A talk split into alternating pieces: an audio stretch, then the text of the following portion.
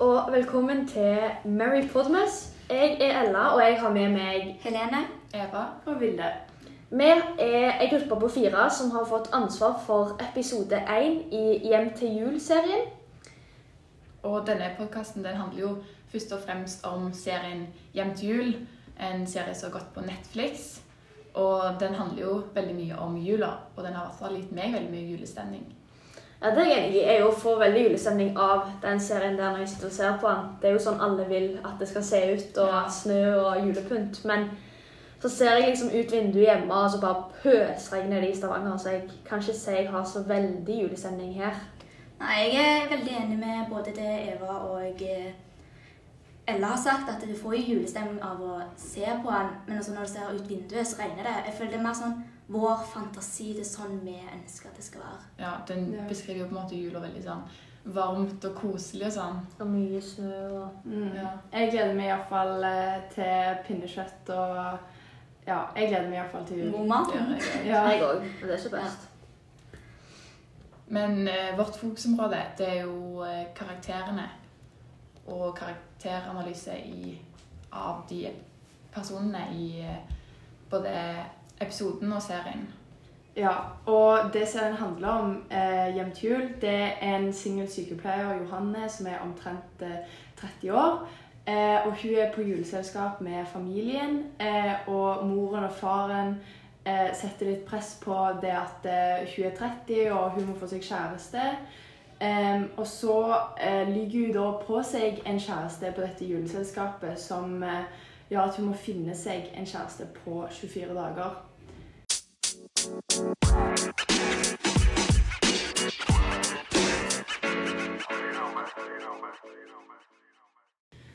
Ja, I første episode så ble vi veldig godt kjent med hovedpersonen, som da er Johanne, som sagt. Um, hun er hjemme hos foreldrene på familiemiddag i starten av desember. Hvor vi da møter hele familien, både mor, far og søsken med barn. Hele gjengen virker ganske pushende og ja, gira på dette her at Johanne skal få seg kjæreste og barn, og at hun ikke må jobbe så mye. og om hun kommer hjem på jul for hun ikke skal jobbe og Ja. alt dette her. Men det virker jo som om egentlig alle vil hennes beste, og at de vil jo at hun skal ha det best mulig. Men på en måte, de presser sånn på hun at det virker litt sånn mot sin, sin hensikt. Og det kommer jo kanskje fram litt senere at eh, i serien da, at det familien tror er best for hun kanskje ikke er så Det som stemmer. Ja. Ja. Ja, og det, hun må jo sitte i med bordet, så må hun sitte med tvillingene med på enden av bordet, hvor hun ikke får snakket så mye med voksne og om voksenlivet. Så hun føler nok sikkert seg eh, veldig utenfor i forhold til det. Men eh, for at vi skal forstå denne situasjonen bedre, så må vi ta denne dagen fra starten av. ja. Og det er jo det hun sier da, ehm, etter den, eller i familiemiddagen. Og så kommer det sånn retrospeksjon, og vi blir tatt tilbake til begynnelsen av dagen når hun drar på juleshopping. Når Johanne er ute og handler julegaver, så føler hun presset øh, om å få seg eh, kjæreste. Akkurat det familien hennes har snakka med henne om.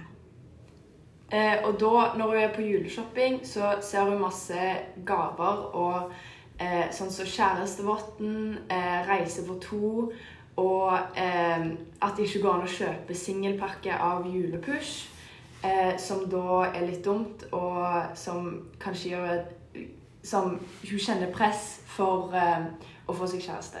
Fordi alt er jo veldig lagt opp til at Det skal være for to eller flere, og Ja. ikke for én. Og jeg tror hun merker det veldig godt at uh, hun ikke møter på en måte samfunnets forventninger til hun. Senere så drar Johanne på jobb, og der møter vi noen bipersoner, bl.a. pasienten fru Neger og eh, legen Henrik. Ja, fru Neger, i, i de senere episoder så ser vi at fru Neger har stor innvirkning på Johanne og hennes valg. Så ehm, Hun er jo litt sånn rådgiver, på en måte. Litt Ja. sånn som hun Jørgen. Hun har mye livserfaring. Hun er jo en litt eldre dame, ja. så hun har mye godt å komme med. Som, og hun òg var alene egentlig hele livet. Hadde ikke kjæreste og sånt. Ja. Så Hun syns jo det var det beste. hun. Gir Johanne litt eh, tips om eh, at eh, det er forskjell på å være alene og være ensom. mm. Og gi henne bare litt sånn tips til å være litt mer sånn Hva heter det? Livsnyter. Livs- ja. Ja. Litt mer yolo. Men eh, Og hun, Johanne, da, hun fremstilles jo som en veldig dyktig sykepleier. Og hun har jo veldig god dialog med både fru Negård og andre Altså alle pasientene, ja. De Ja. snakker snakke med og sånn. ja. Hun blir veldig godt likt.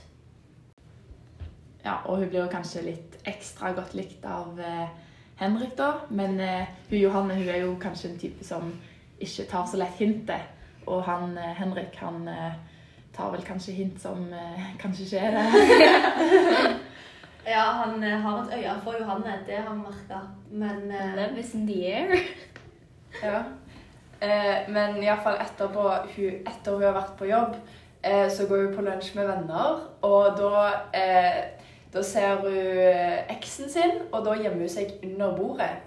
Eh, og da har hun hørt at eksen eh, som har fått barn og kone og alt det der, mens hun er, har ingen kjæreste og ja, føler seg litt eh, utenfor igjen. Så ja. Men dette er jo, altså, det er jo litt rar ting å gjøre, å gjemme seg under bordet. Men jeg tror det kanskje for å liksom, unngå alle de spørsmålene og sånt, og hvordan hun har det. Ja. For jeg føler kanskje hun er litt lei av de spørsmålene. Men jeg tror kanskje òg at hun ikke er helt over Over han, eh, ja. Christian, eksen. ja. Ja. Fordi eh, vennene, når hun gjemmer seg under bordet, de sier jo at hun dater en legemodell. Noe som eh, ikke er sant.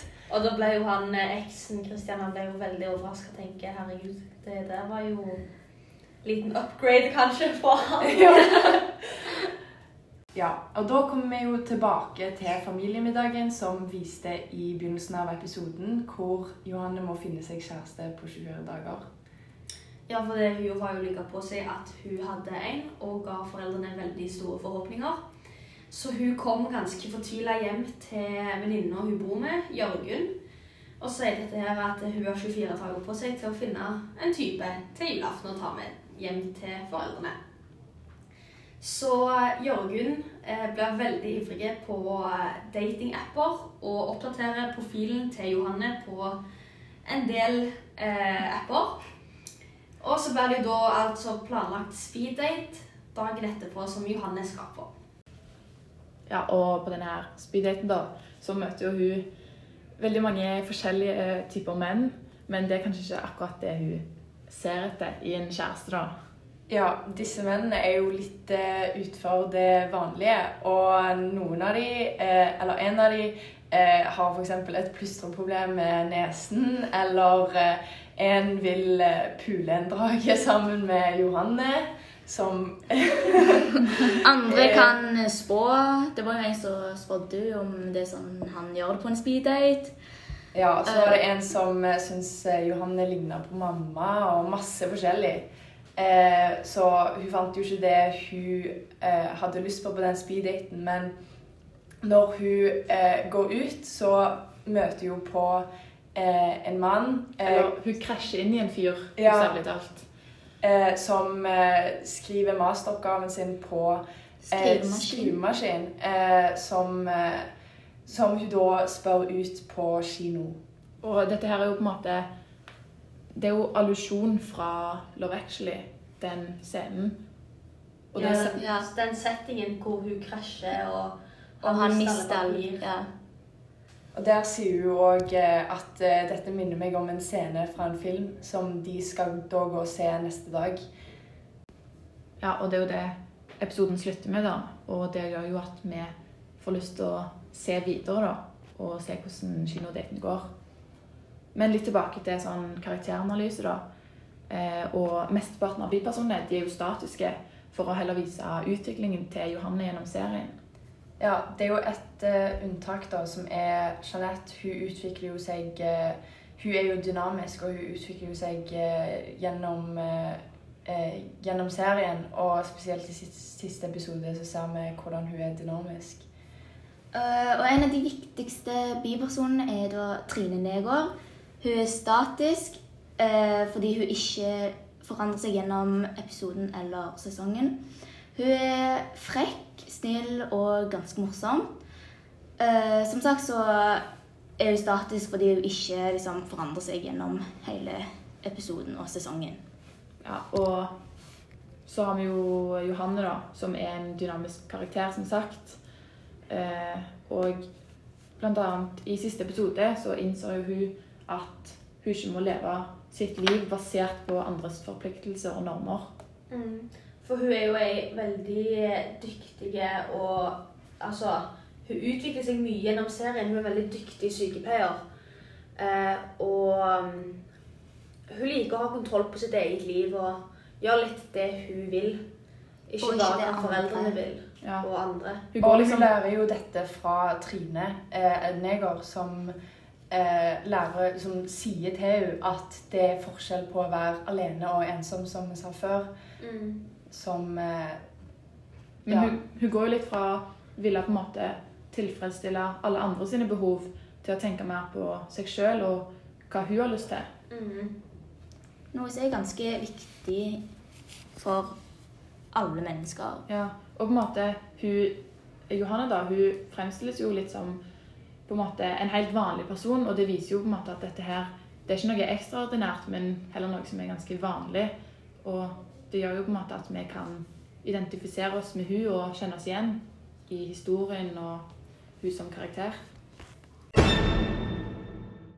Det var det vi hadde av karakteranalyse i episode 1 av Hjem til jul.